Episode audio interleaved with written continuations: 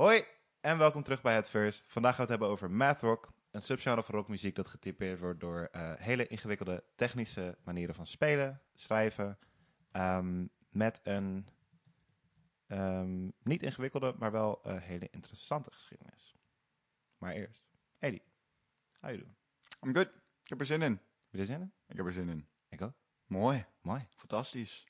Wist je al wat? eh, ja, we beginnen altijd een beetje met het startpunt. Had je al een beetje een be- beeld van waar je aan begon? maand, of, eh? Ehm, niet echt. Ik had een, enigszins een idee van het geluid. Mhm.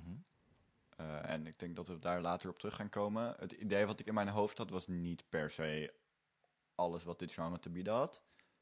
En het idee Het wat was ik meer emo dan je dacht. Het was een stuk meer emo dan ik dacht. en het idee wat ik in mijn hoofd had is ook eigenlijk wat ik niet leuk vind aan het genre. Maar daar komen we allemaal bij. Alright. En jij? Ik, eh, ik had wel een startpunt. Vooral de iemand-kant eigenlijk. Dat was ook een beetje wat ik verwachtte.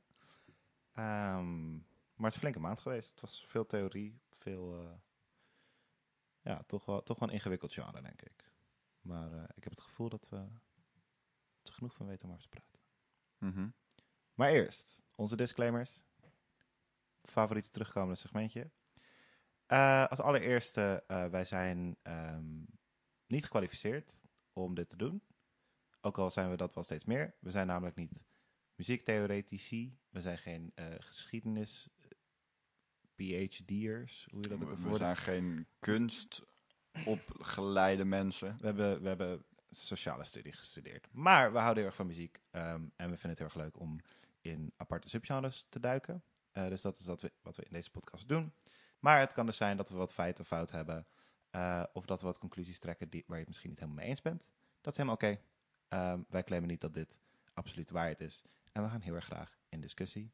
Als je boos op ons bent. Of het gewoon niet met ons eens bent. Eigenlijk. Vooral Ja. Eddie. Die vindt het wel leuk. Eh, ja, Mij hoef je niet... eh, Eh, Niet meer vooral, vooral David voor deze, vermoed ik. Maar ik ben altijd up voor een goede muziekdiscussie. Hell yeah. Laten we er gewoon lekker inspringen. Ja, lijkt me een goed idee. Head first erin. We diven in. We diven in. Eddie, mag ik van jou een Wikipedia-definitie van math rock? Jeetje mina, ja hoor, die heb ik voor je. Ehm, ik doe hem in het Engels, want de Nederlandse Wikipedia-versie was echt zwaar Die slaat er ik kan niet eh, snel genoeg vertalen in mijn hoofd. Dus bij deze. Go for it, baby. Math rock is a style of progressive and indie rock with roots in bands such as King Crimson and Rush, as well as 20th century minimal music composers such as Steve Reich. It is characterized by complex, atypical rhythmic structures including regular stopping and starting, counterpoint, odd-time signatures, angular melodies, and extended, often dissonant chords. It bears similarly, similarities to post-rock. Dat zijn alvast een heleboel termen, daar komen we zo allemaal bij. Eh, first up, wat denk je daarvan, David? Eh, eh, ja, veel woorden. Heel Ten veel eerste. woorden.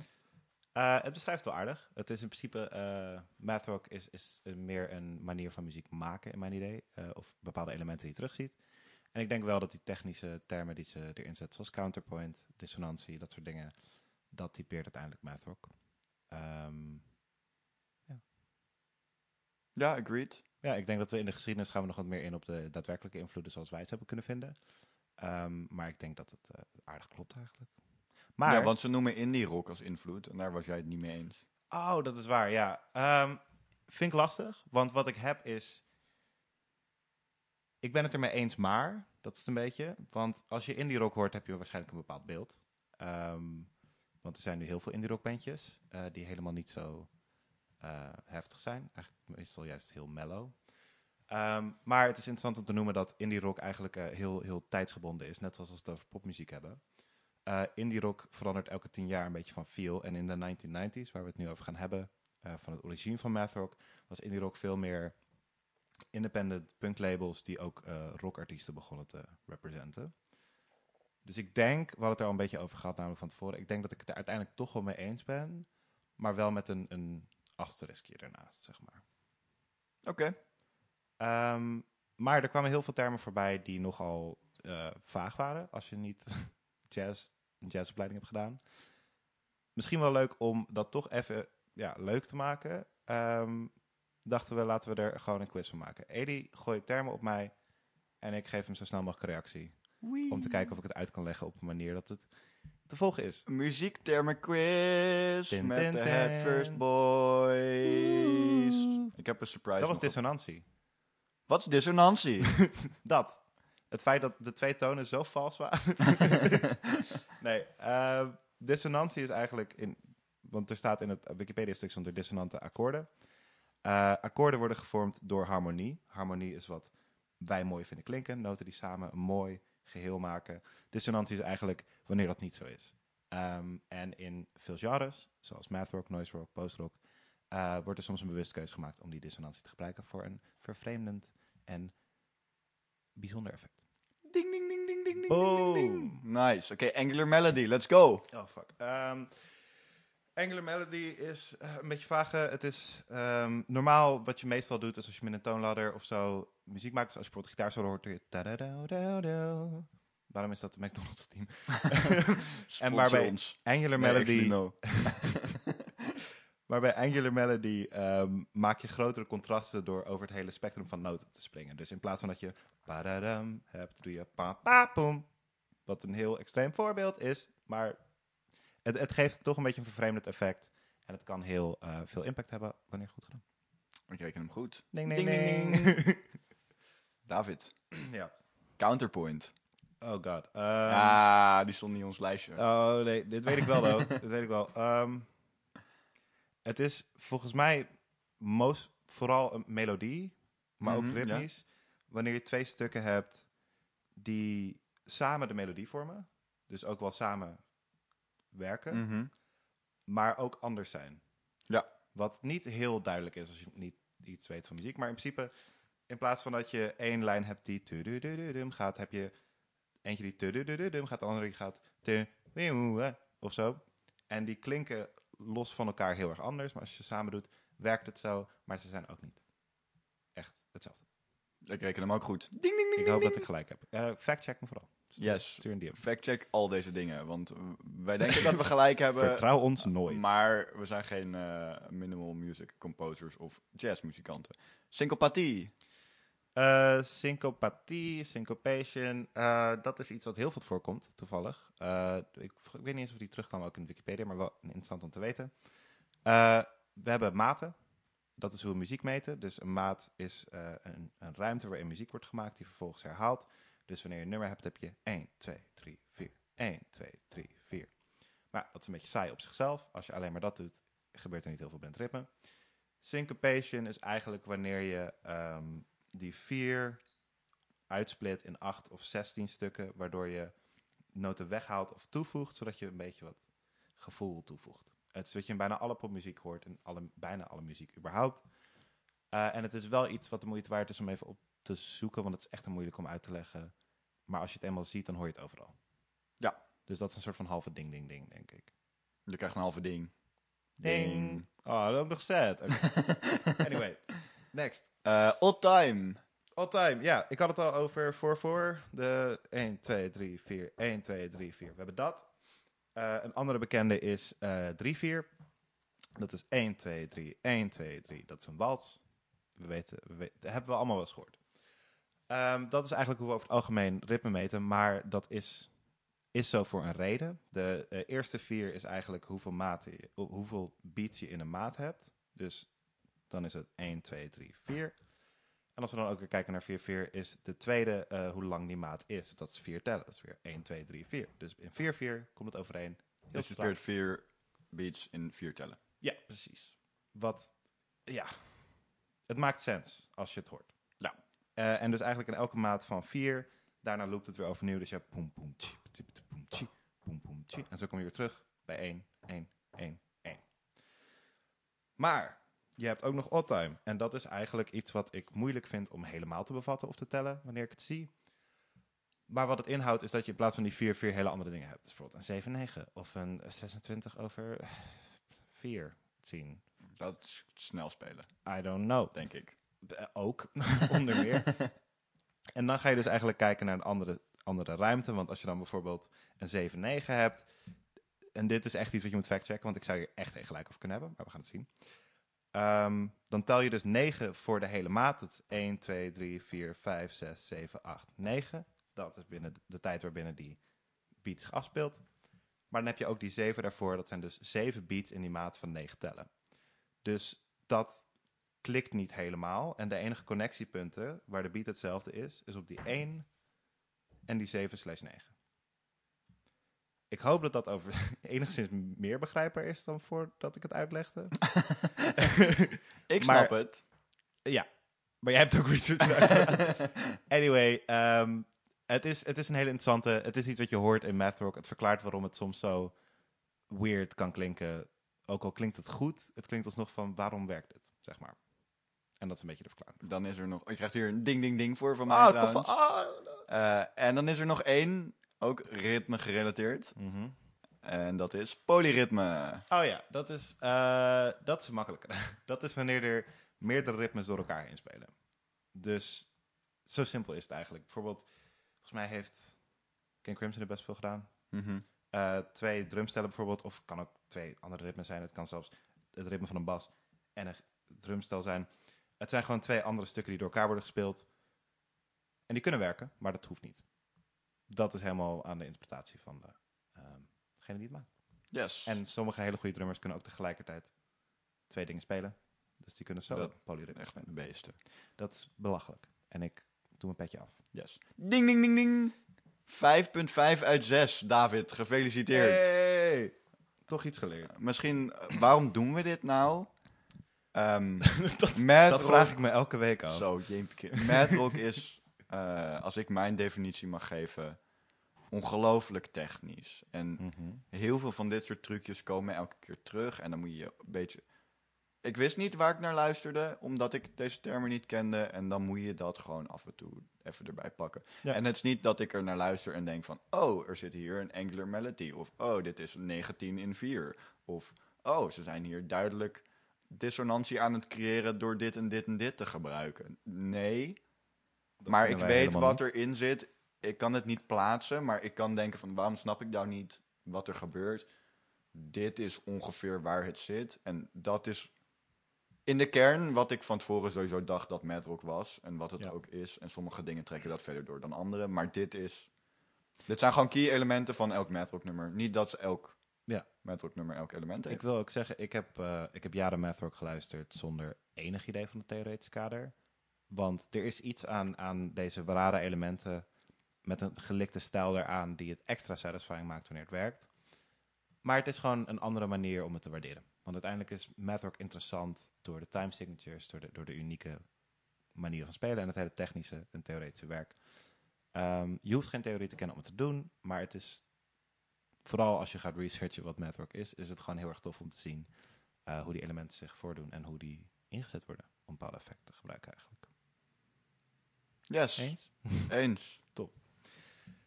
Zullen we lekker in de geschiedenis duiken? Helemaal goed. Ik heb ook Alright. meteen alweer wat van deze termen klaar liggen. Dus Oh, let's go. het is Eddie? goed dat we ze even behandeld hebben.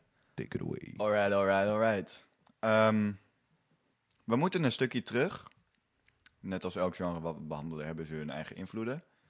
Ehm, ik zal er niet heel diep op ingaan, want dan wordt het allemaal veel te lang. Maar kort door de bocht. Ehm, in 1970, 1980 kwamen er punkbands en die gingen experimenteren met dingen als syncopated rhythms, polyritmes. En een beetje gek doen. Ehm, neem bijvoorbeeld Black Flag of eh, Big Black. En dat, nou ja, dat, dat, is dan, dat, weet, dat is gewoon, een ding. En dat zijn grote albums die veel invloed hebben gehad de. Vooral eh, qua Black Flag, My War, toch? Ja, Black Flag My War uit 1984 bijvoorbeeld. Ehm, Songs about Effen. songs about Erwin. Sorry, ga door. Ehm, en aan de andere kant had je No Wave, een antwoord op New Wave. Ehm, een ondergrond, underground genre, anti, anti-kunst. Ja.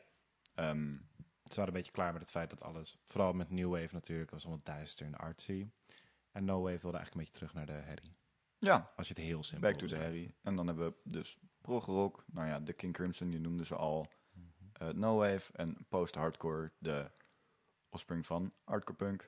Yes. eh, die we volgens mij wel mooi behandeld hebben in eh, Power Violence. Dus Mocht daar je wil ik dat nog willen luisteren? ook niet heel erg diep op ingaan. Maar ik denk dat dat de kern Ja. elementen van de eerste metal albums vormde. Ja, het speelt zich ook een beetje af in hetzelfde tijdframe als Pyroviolence. Eh beetje in de decline van hardcore. Dus je krijgt in die post-hardcore fase allerlei verschillende experimentele eigenlijk. Ja. Dat is hoe ik het zag. Helemaal, daar ben ik het helemaal mee eens. Ehm, wat me wel opviel bij math rock is dat het moeilijk is om scenes te vinden. Ja. Ehm, dus we hadden voor Power Violence hadden we obviously de West Coast. Voor ehm Glitchop hadden we ook de West Coast, maar ook Miami en ook daar en ook daar en ook daar en ook Dat was gewoon één grote island hop eigenlijk. Wat dat heel ingewikkeld maakte, maar er was een soort kernlijn te volgen. Eh Mad Rock, voor mij had dat niet zo.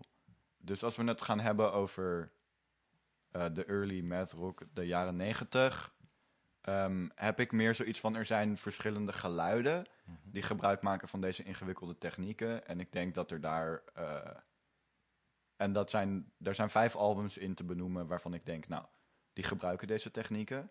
Die zijn zowel kritisch als in populariteit semi-groot. Ja. Ook gestegen Ehm, sinds, eh sinds Ook een tijd. gestegen inderdaad in de tijd zelf. Moi, en langzamerhand komt dat zo een beetje... Nou ja, langzamerhand. Internet-nerds, math-rock-nerds, zeg maar, die zijn er. En die gaan waarschijnlijk... Doen alles voor dit, deze albums. Misschien niet alles, misschien niet elk album. Ze zullen doden voor deze albums. ik wel. They're probably there. Oh, er moet één mic-slip zijn elke episode. Gaan we gewoon door. Ehm, nou ja, die albums, eh, ik heb ze opgeschreven en ik ga gewoon heel kort allemaal noemen. Ik denk omdat het de geschiedenis moeilijk lineair vast te leggen is in Ja. het genre, zijn dit dan albums die voor mij de geschiedenis zijn in de jaren 90. Maak er gewoon één mooi punt van. Eén mooi punt. En nummer 1, Slint met Spiderland. Ach. Het go-to. Ehm, Volgens mij bedoel die Goat. nee, ja, maybe, maybe, maybe, maybe. Eh, internet, n- blog, nerd, al Rock album. Ehm, best wel rustig, best wel timide. Mm. Maar al die elementen zitten er wel in. Heel veel spoken word. Somber. Zo. Heel somber. En ook nou, twee mic slips per episode, apparently. Laat me niet afleiden. Het leidt wel een beetje af. Ehm, maar wel door hele interessante gasten. Eh, de band is uit elkaar gegaan voordat het album uitkwam. En het album heeft uiteindelijk gewoon wel een soort cultstatus gehaald. For some reason. Komt ook omdat ze samenwerken voor al EP hiervoor samenwerkten met een met eh, een van de, de zanger van Big Black. Steve. Albini. Ehm, die al gewoon een soort naam had. Nou ja, weet je, dan gaat dat wel, komt dat wel ergens. Alleen dat duurde gewoon even. Nou, dat is nu echt wel een. Je kan dit wel echt een classic noemen.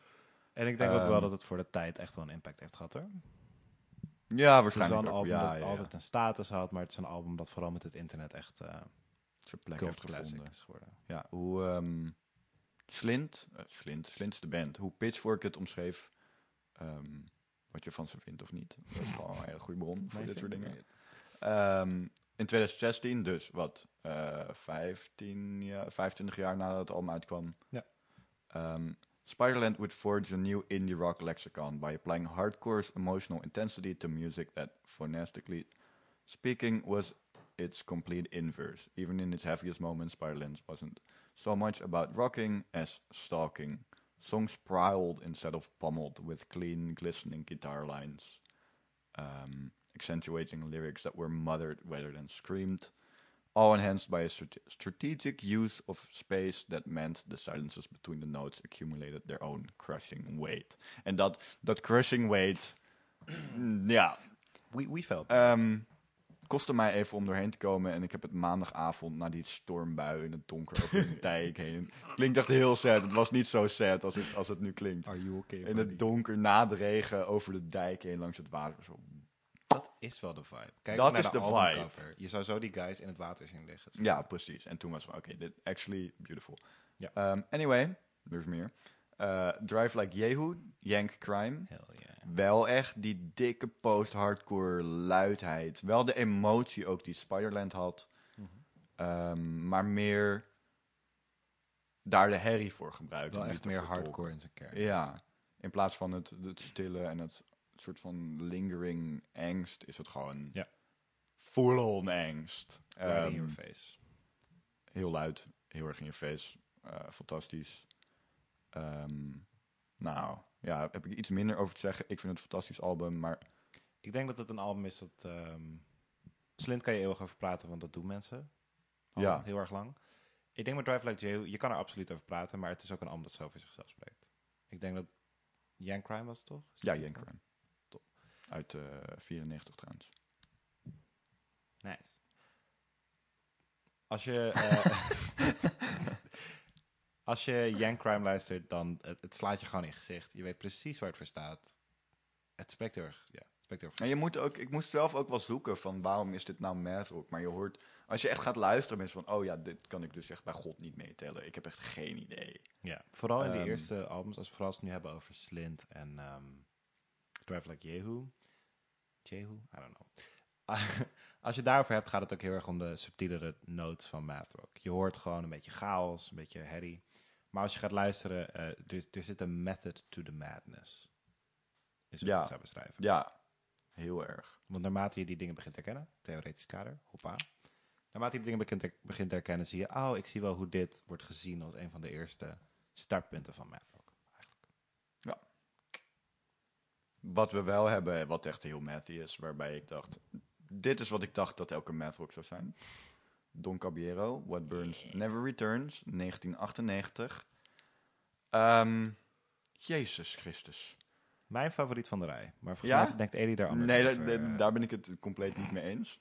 Eh, het is niet voor mij. Gewoon heel simpel. Ik snap dat het heel knap is. Eh, maar we komen later nog bij heel veel meningen. En ik heb er heel Mhm. veel. Het is heel knap. Het is top gespeeld. Ehm, even heel snel. Ik heb een hele mooie Rachel Music Review. Want dat is een betrouwbare bron. Ehm, die gewoon wel omschrijft hoe het klinkt.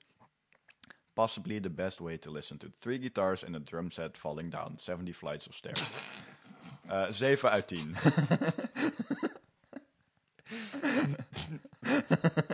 Ik had die nog niet gelezen. Eh, dat is echt super. en ik heb ook nog een quote over dat je het alleen begrijpt als je een wiskundig genie bent. Maar dat spreekt allemaal voor zichzelf. Dat is een 6 uit 10 trouwens. Ik moet wel zeggen, Rachel Music is waar ik, eh, waardoor ik snapte waar dat, waarom dat album zo interessant is voor mij. Eh, heel snel hoor. In een review had iemand het over dat de drums de leadinstrumenten zijn in dat album. Ja, Dat, dat deed, deed het klikken voor mij. dat is een goede om inderdaad als je naar luistert in je achterhoofd te Ja. houden. Het gaat om de, de drums. gitaar legt een steady ritme eronder en de drums die, die voegen alle flair, melodie, ritme toe. Het is heel interessant. Maar het, het is heel erg persoonlijk, denk ik. Je moet ervan houden. liggen, Ja. En ik heb het de eerste keer dat ik het luisterde, zat ik op de fiets. Ik ben oprecht drie keer verdwaald. Omdat, voor- niet verdwaald, verkeerd gefietst, omdat ik gewoon niet door had waar ik was. Het, het, ne- het neemt je over. Zeker, het neemt je zeker over. Dan hebben we nog, eh, nog twee te gaan. Ik zal even heel snel, want dan eh, kunnen we naar de rest door. Shellac at Action Park, 1994. Eh, Steve Albini van Big Black, van de early Hij speelt Slint. daarin, toch? Hij speelt erin. Yes. Hij doet zang en gitaar. Ehm, nou ja, je hoort lekker de no-wave en de post-rocker in, in doorschemeren. En het is wat noisier dan, dan de rest. En het is tof om te zien hoe Steve Albini, die vooral geproduceerd heeft voor rock bands, ook eh, zelf met het genre omgaat eigenlijk. Zeker. Kan Zeker, zeker. Eh, Steve Albini, ik heb hem opgezet. Dus, nou, die jongen zit in zo. Die, dat is zeg maar de enige, enige ground die ik kon vinden als scene. En nou ja, niet helemaal de enige, maar een van de jongens waarvan ik zeg dat is een belangrijke naam om goed te noemen. Dus ik hem erbij hebben. Ja. En dan hebben we eh, Captain Jazz. Oké, David. Ja. I'll try. Analfabete betapology. Oh, I, I got you, bro. Ik moet wel even opzoeken, want ik kan het niet aan mijn hoofd. Analphabeta Folotology. Dat is hoe het album heet. Captain? Jazz. Analphabeta Polothology. Lekker. Captain Jazz. Uit Dat is een- 1998. Yes, sir. Ehm, dit is waar, waar Matt Rock zijn emo vindt. In my opinion. Eh, Drive Like Jehu is ook emo. Maar dit is echt, echt emo. En dat is, eh, dat is Davids wereld. Oh, ja. Hoewel ik er ook langzaam in probeer, pro- probeer per ongeluk inval eh, door deze mooie podcast. Ja, dit is waar ik geout word als emo kid. De emo phase That's never not, a, that's not an out thing. We all knew this. Oké, fair enough. anyway, zal ik hem even overpakken? Ja, pak hem lekker over, jongen. Heerlijk. Ja, over Captain Jazz. Ik denk... Ja, wat, wat, ik, wat ik wel zou zeggen is... Het is niet per se waar math rock en emo voor het eerst like, intersecten. Nee, zeker niet. Ehm, want Slint die heeft daar ik zou zeggen dat zij daar 100% gewoon de eerste waren, eigenlijk. Of in Mhm. ieder geval degene die, die de meeste impact hebben gehad. Wat Captain Jazz wel heeft gedaan, is eh, de, de Midwest emo als genre gekickstart. Heel snel over Midwest emo. De Midwest is een eh, gebied in Amerika. Bestaat uit twaalf staten, een beetje in het midden en het noorden van Amerika. Eh, en het staat al bekend omdat er niet heel veel gebeurt daar. En dat alles een beetje ver uit elkaar is. Vooral heel veel suburbs, van wat ik heb begrepen. Maar ik wil ook niet eh, generaliseren. Dus weet iemand anders vast beter. maar ehm, in een staat genaamd Illinois. eh fun fact, dat is ook waar Chicago is en dat is Slint vandaan komt. Maar ongerelateerd aan Slint was er een band die Captain Jazz heette. Die begonnen te experimenteren met de lokale punk, hardcore, emo-core elementen. Eh, en daar eigenlijk een beetje een, een vreemde take van maakten. Ehm, als je dat album luistert, merk je ook wel dat het... eh, het is een beetje herrie. Het is een beetje chaotisch. Mhm. Uh, maar ook hier, Method to the Madness. Ehm, wat daar eigenlijk gebeurde is, eh, is de geboorte van Midwest Emo. Midwest Emo is dus een, een, een, een wave van emo uit de Midwest, maar tegenwoordig ook een genre tag, omdat het een vrij duidelijke lijn trekt naar dat gebied. Grappig genoeg hoeft Midwest Emo niet uit de Midwest te komen. Wat weer... eh, Soms weet ik het even niet meer met genres, maar weet je, daarom zijn we hier. Nee, je hebt dus die Midwest-streek waar ik het net over had. ehm, die had hun eigen emo-scene. Die werd ehm, geïnspireerd door de emo en de hardcore scene die er al was. Emo komt natuurlijk uit eh emo-core of hardcore of emotional hardcore. There it is. Eh, wat we ook kort hebben behandeld in Power Finance. There Which we go again Een hele andere opspring. heel andere angle, maar hetzelfde tijdperk. Eh, en daar had je eigenlijk een paar bands in die ehm, Illinois, maar überhaupt gewoon een beetje in de Midwest-regio. Een paar van de namen zijn eh, Chamberlain, The Promise Ring, Captain Jazz, Cursive. Dat is een hele toffe band. Ehm, zijn ze allemaal, maar I don't know. Ik ben er erg fan van. Eh, Mineral en The Get Up Kids. Ehm, ja, dat was eigenlijk... Ik heb weinig kunnen vinden over hoe dat nou echt ontstaan is. Maar Captain Jazz wordt algemeen wel gecredit dat zijn van de allereerste die eh, deze particular stijl van emo maakten. Met de, eh, de, de method to the madness manier van werken. De, de hardcore elementen, de no-wave elementen, de rare structuren. Maar ook wel echt de, de angsty tiener in een garage opgenomen emo vocals, zeg maar. Wat het wel aardig typeert. Ehm, er is een array van stijlen hier, want Captain Jazz was een stuk meer intens, maar je hebt ook hele polish muziek. Mineral heeft eh, een stuk cleanere, mooiere, dromerige muziek, wat best wel een sterk contrast was tot de hardcore emo, eh, waar we aan gewend waren in de tijd. Eh, met als ultieme vorm, ul- ultieme voorbeeld, excuus, van polished emo, en wat Midwest emo ook voor een lange tijd gedefinieerd heeft, eh American Football, een band die jullie misschien kennen, aangezien ze best wel eh, populair zijn. Wat hier ook gebeurde is dat ze nog meer die elementen van indie rock eh, gingen verwerken in de muziek eigenlijk. Ehm, en ja, American Football was in zijn tijd zelf aardig populair, maar is ook over de jaren heen steeds populairder geworden. Eh, en een van een grappig feitje is dat ja, de zanger van American Football, de gitarist, grootste deel van de composities doet volgens mij ook Mike Kinsella, zat met zijn broertje in Captain Jazz. Dus hij was niet alleen degene die begonnen is met Midwest Emo, maar het ook nog eens helemaal polished en clean en mooi en De, populair heeft gemaakt. ja, Ehm, interessant is om te zien dat eh, vrij snel na de start van Midwest Emo, en ik heb het over één of twee jaar, was het al niet meer alleen maar in de Midwest. Eh, wat me dan toch weer af doet vragen waarom we nog steeds Midwest Emo hebben, maar daar hebben we het gewoon niet over. Het is soms belangrijk om te definiëren. Ehm, met een van de notables die ik gewoon graag wil noemen, want ik ben ontzettend fan van ze. eh, Sunny Day Real Estate. Echt geweldig. heel nice. Ehm, ja, wat er eigenlijk een beetje gebeurde. De reden dat we het zoveel over Midwest Emo hebben, is omdat dit toch wel de bekendste vorm van mathrock is. Mathrock heeft een, is een heel fundamenteel onderdeel geweest van die ontwikkeling. Niet al die bands die ik net heb genoemd zijn mathrock. Ehm, maar mathrock heeft gewoon een rol gespeeld in de ontwikkeling van dat genre. En is nog steeds constant terug te horen in veel van de bands die daar ontstaan. Maar het is echt een split tussen gewoon emo, Midwest emo, mathrock. Eh de band moet maar kiezen wat ze doen. Want uiteindelijk, waar we toch steeds op terugkomen, is dat mathrock vooral een manier van schrijven en een stijl van spelen is. De progressie daar is dat eh, er altijd wel een s- scenes zijn geweest in de Midwest. s- verveelde kids die in hun kelders DIY-shows organiseerden met verschillende emo-bands uit de omgeving. Ehm, Midwest emo heeft ook best een degelijke invloed gehad op de, de emo pop-punk scene. Eigenlijk wat iedereen kent als emo, als we het over hebben van onze leeftijd eigenlijk. Ehm, en ehm, is een tijdje wel onder de radar gebleven. Echt die Midwest emo scene zelf, dat was vooral lokaal. Maar toen, eh, een beetje in de late 2000s, begin 2010s, is er eh, een emo revival begonnen. Zo hebben we het er dan over. Dan hebben we het over bands als ehm Algernon Gladelade Water, Oh, hoe? Uh, Cadwallader. Cadwallader, Alright, alright. Modern Baseball, Mom Jeans, Charmer, Modern baseball, is dat een, een reference naar American football? Ja, tenminste, ik ga... Come on. right? Hard.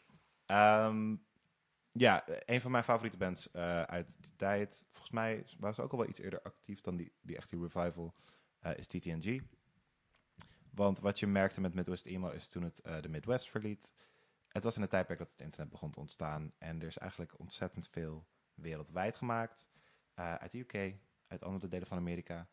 Er zijn heel veel Midwest Emo bands. Eh, en het heeft echt maar een paar jaar alleen maar in de Midwest bestaan. Ehm, maar daar blijft nog wel een actieve scene. Onder die globalisering wil ik het nog kort hebben over Azië. Vooral Japan.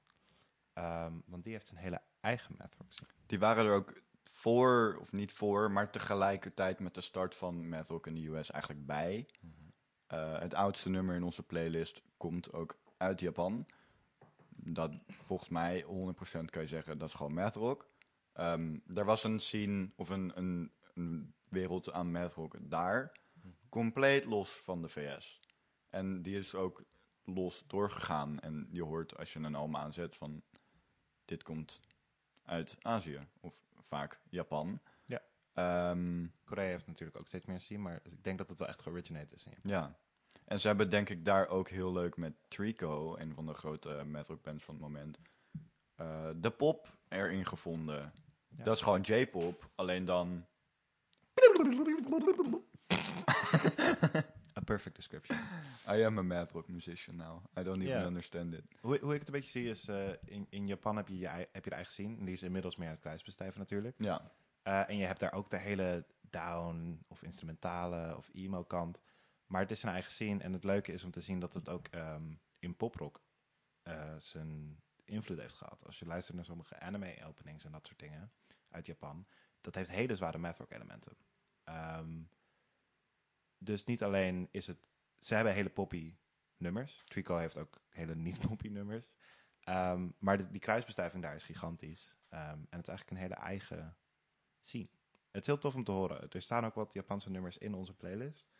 Dus als je even naar kijkt, er is duidelijk verschil te horen. Maar ook duidelijk ehm, vergelijkbare punten. ja en ik denk zeker, want we hebben uh, Toe erin staan. Love it. Met het album Something Something Anxiety Something Something Demise, I think. God, het is een lange titel. Het is echt een hele, hele lange Ik titel. pak hem even bij. The book about my idle plot on a vague anxiety. De demise zit er niet in, maar het idee is er. Ehm, je kan wel, als je interviews leest met math rock artiesten van na, dat is 2004 uit mijn hoofd. 2012 staat op Spotify. God damn, I'm so off. Maar dat zou ook niet kunnen kloppen. Nee, ze zijn, zijn pas in 2009. Alright, 2012. als je interviews leest met math rock artiesten van na 2012, noemen ze ook heel vaak dat album als een van de grote influences. Dus Ja. er is nu wel echt een cross-pollination tussen Azië en eh, de VS en Europa, waar ook math rock zit natuurlijk.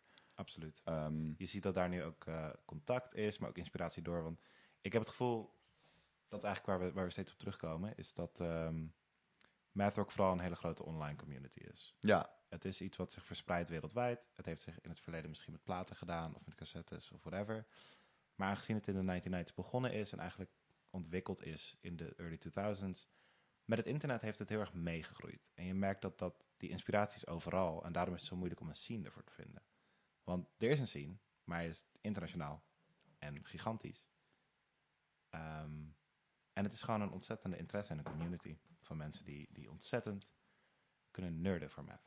Ja, dat is echt de key van dit genre geweest voor mij. Is de ongeloof, het ongelooflijke nerdgehalte. En dat zeg ik met passie, want I mean, het heet math rock. weet je. I can relate tot op zekere mate. hoe, Ehm, hoe noemen we onszelf altijd ook weer in de intro van onze podcast? Volgens mij zijn we die titel kwijt na dit, want het is echt... ehm, een van de eerste dingen die ik vond was een artikel over ehm, de eh, samenspeling tussen. eh, waar staat die? Oh, hier heb ik hem. Eh Math Rock en Emo in American Football, dus die band. Ehm, en dan denk je, oh, interessant, leuk, hoe werkt dat? Nee, dit is een scientific paper van 62 pagina's, waar twee nummers, niet het hele album, twee nummers ontleed worden om zijn punt te maken. En god damn. God damn. These people, props. Mr. Benjamin D. Cork, lekker gedaan. Holy shit, je bent een koning. Ik snapte ongeveer 80% van je stuk niet, maar de intro en de eerste drie pagina's voor de muziektheorie waren echt super interessant. Ik Ehm, vond de cover heel erg mooi toen ik hem in mijn drive zag staan. En dat is ongeveer hoe ver ik ben gekomen. Nice. En zo zijn er zoveel dingen over Rock te vinden. Echt boeken van 300 pagina's. En wetenschappelijke artiesten van... eh, artiesten, artikelen. Het is insane. En ja, zelfs voor een post van god weet hoeveel pagina's als je ze uit zou rekenen volgens mij. Ja, het is gewoon een... Je kan niet een scene aanwijzen, maar het is wel een community. En mensen Ja. die er heel veel om geven. Ik wil ook een snelle shout-out geven naar eh Fucking Bahamas. Dit was de eerste keer dat een shout-out gedaan dat een one-stop shop heeft voor alles wat je wil weten. Fantastisch. Deze mensen hebben artikelen, playlists, mixtapes, eh blogposts Ze hebben en een fucking wereldkaart gemaakt. ze hebben een wereldkaart gemaakt waar alle Mad Rock bands, of in ieder geval degenen die zich ingeschreven hebben, iedereen kan dat doen, waar ze allemaal op staan met hun locatie en alles. Of ze nog actief zijn. Alles. Het is, ze hebben waarschijnlijk meestal ook een eigen pagina waar je ook hun demos kan vinden, hun websites, hun links. De toewijding van de mensen die deze website runnen is godlike. Het feit dat ze zo toegewijd kunnen zijn aan een genre als math rock is ten eerste gewoon heel erg cool om te zien. Want wanneer hebben we dat ooit gezien? Dat iemand zijn leven zo daaraan wijdt.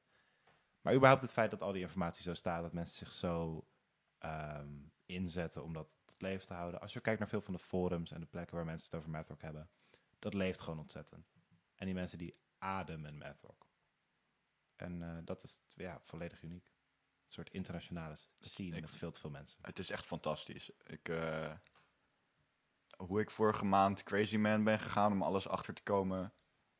Er zijn gewoon twee mensen die dit allemaal hebben opgeschreven en uitgewerkt. En bronnen erbij gezet. En je kan het gewoon allemaal terugvinden. Hoe Edi vorige week op die afbeelding stond met de Crazy Man. Dat is deze hele community. ja, echt hoor. En I love him for it. Ja, same. En ik, eh, ja, ik ben ook al een beetje te diep gegaan inmiddels. Speaking of which.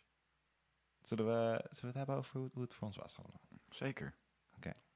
Je hebt er wel een beetje naar gehint eh, aan het begin van de podcast, maar hoe, heeft, hoe is het voor jou verlopen? Hoe heb je het ervaren deze afgelopen maand? Ik zit te denken. Volgens mij begon ik bij Don Caballero. Oeh. Which is misschien niet een goed idee. Ehm, dat is echt extreem technisch. En eerlijk gezegd, eh it's not for me. Ehm, ik maak geen muziek. Ik heb geen uitgebreide kennis van muziektheorie. Misschien vind ik het geluid niet fijn. Ehm, don't hate me, but you might. Het is ongelooflijke fucking wankery. Ik vind het heel knap dat je het kan.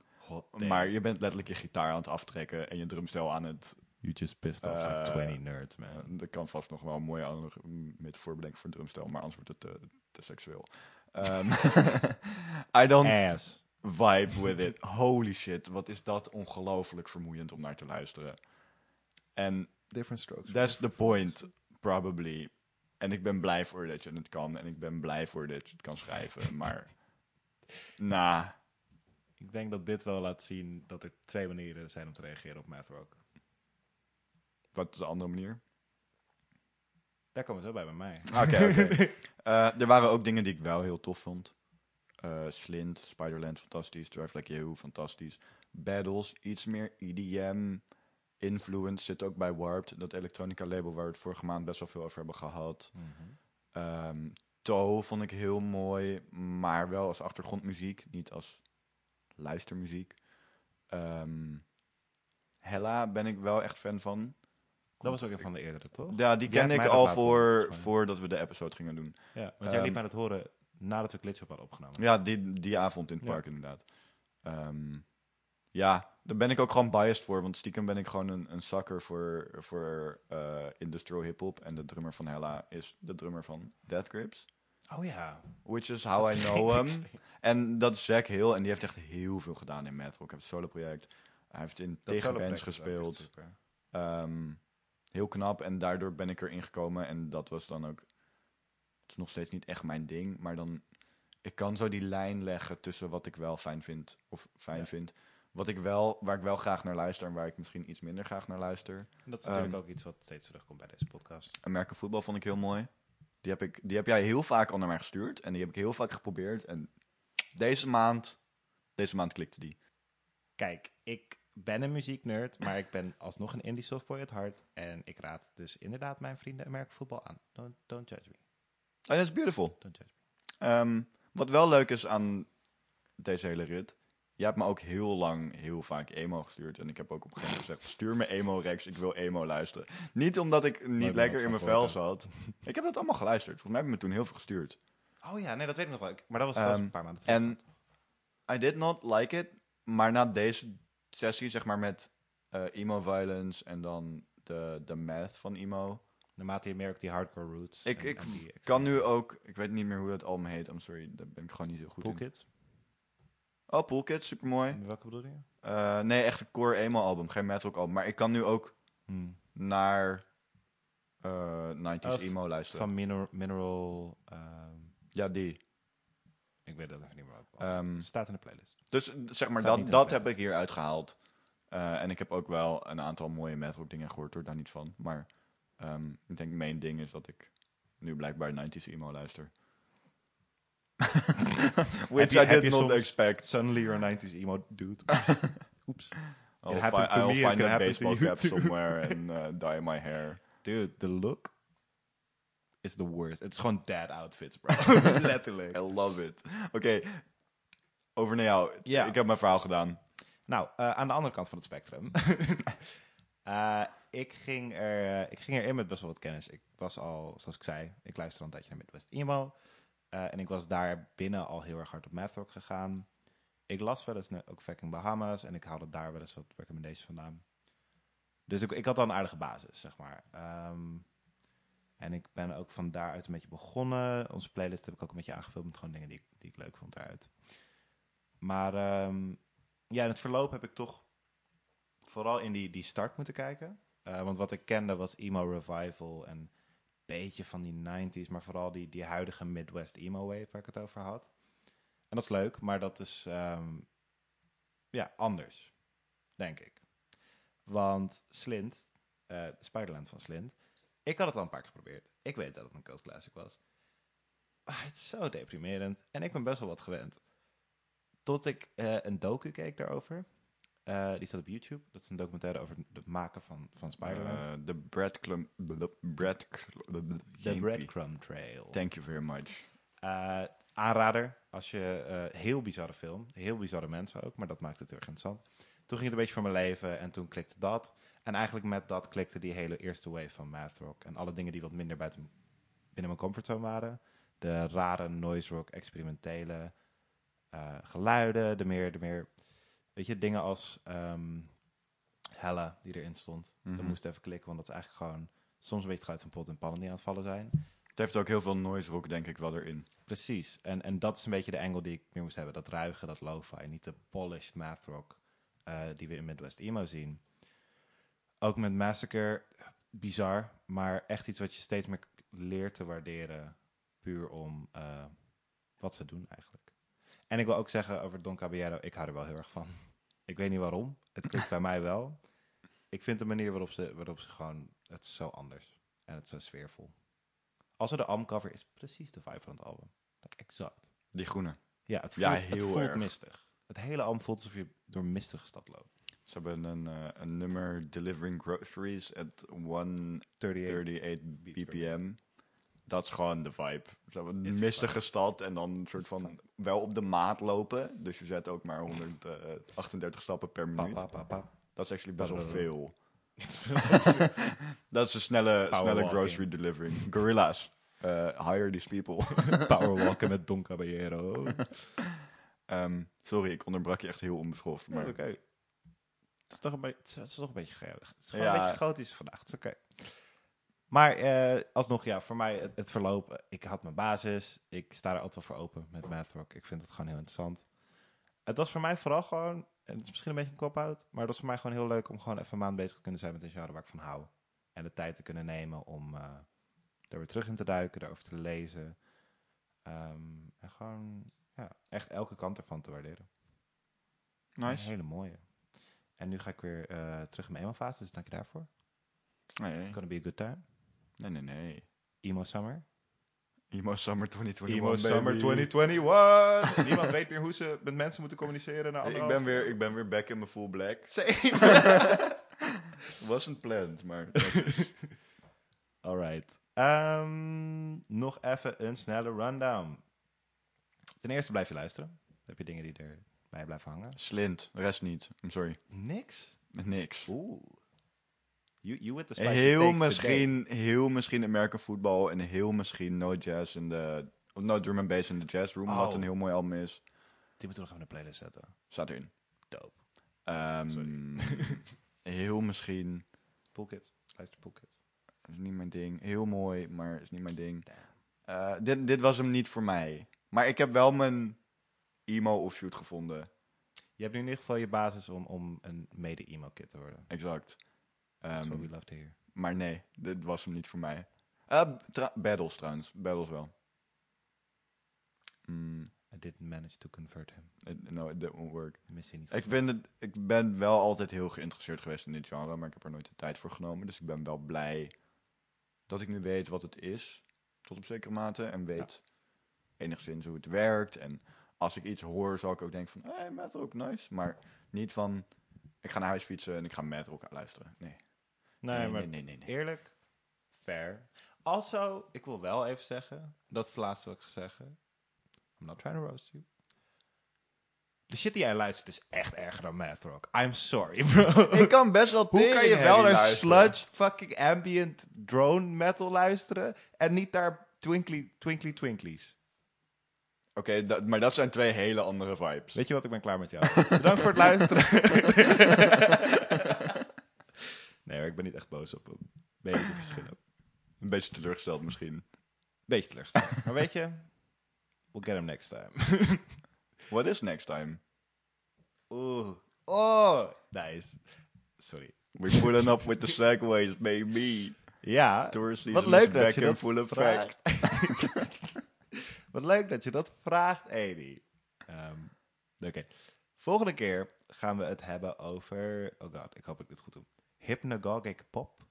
Yes, yes, yes. Oh ja. Eh, voor zover ik heb kunnen zien, is het een, eh, een wave van experimentele noise, drone, minimal muzikanten die ehm 80s, 90s pop revival, 70s, 80s, 70s, 80s pop revival. eh, 90s pop revival ging doen, maar ook niet alleen met de muziek, maar met de aesthetics en alles. Ik zag dat ze cassettes drukten. Het it sounds crazy en het klinkt als mijn nieuwe aesthetic. Volgens mij is het very hipster. Oh, dude, I'm there. Ehm, maar het grootste gedeelte is volgens mij leuk om naar te luisteren. Ik weet in ieder geval dat het number one rated album eh, Slide van George Clinton is. En daar kan je me altijd voor wakker maken. Exact. Die is, dat is top. En er zitten nog een paar prachtige albums in. De, de, de- nou ja, Rachel Music, hè, baby, altijd. Dat is de bron. Een paar fantastische albums tussen. En ik ben heel erg benieuwd om die allemaal uit te gaan vogelen. Yes, sir. Verder, zoals altijd, eh, kan je eh, al onze bronnen en eh, onze playlist op onze website vinden. Dat is geregeldontregeld.wixsite.com slash hetfirst. Ehm, volg ons ook vooral op Instagram en Facebook op geregeld ontregeld. Waren dat alle plugs om te pluggen? Mm, Vast wel. als er nog iets geplukt moet worden, kan je het eh, in de DM zetten. Laat het ons weten wat wij Slide in moeten my pluggen. DM's. Ehm, bedankt voor het luisteren. Ehm, en we zien jullie volgende keer. Of jullie horen ons volgende keer. Ja. Tot de volgende keer. Tot de volgende keer. Doei doei. Later.